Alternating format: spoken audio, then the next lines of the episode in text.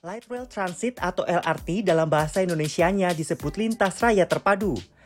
Proyek LRT Jabodebek merupakan proyek transportasi massal berbasis kereta yang akan menghubungkan kawasan ibu kota Jakarta dengan sejumlah kawasan penyangga seperti Depok, Bekasi, dan selanjutnya Bogor.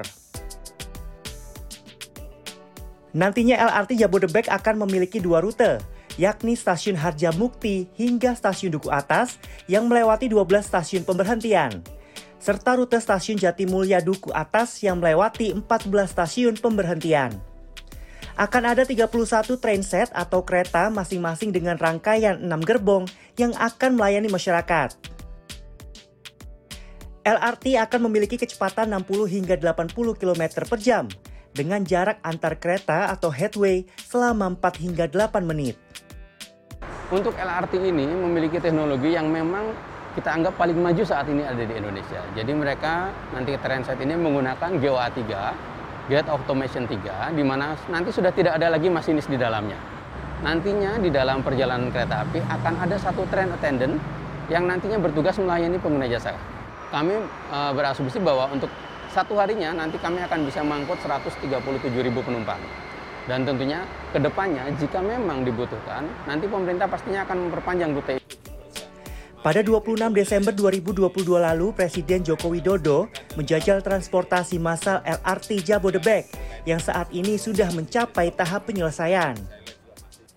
Bu Menteri mencoba LRT dari stasiun Harjamukti menuju ke stasiun Taman Mini.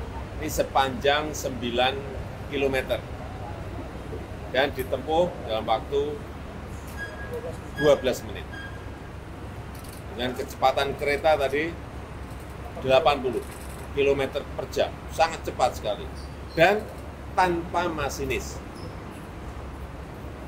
Yang kita senang, kita bangga, kereta ini adalah buatan Inka.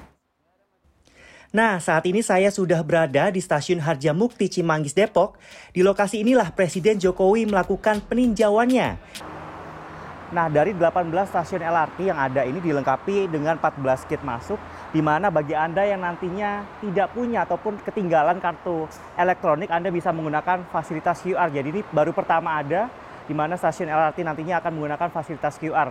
Dan selain dari 14 gate ini, nantinya juga akan ada uh, gate khusus untuk kaum disabilitas.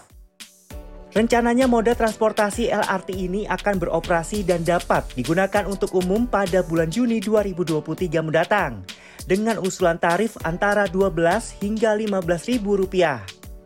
Adi Dwinanda, Indra Setiawan, Jakarta.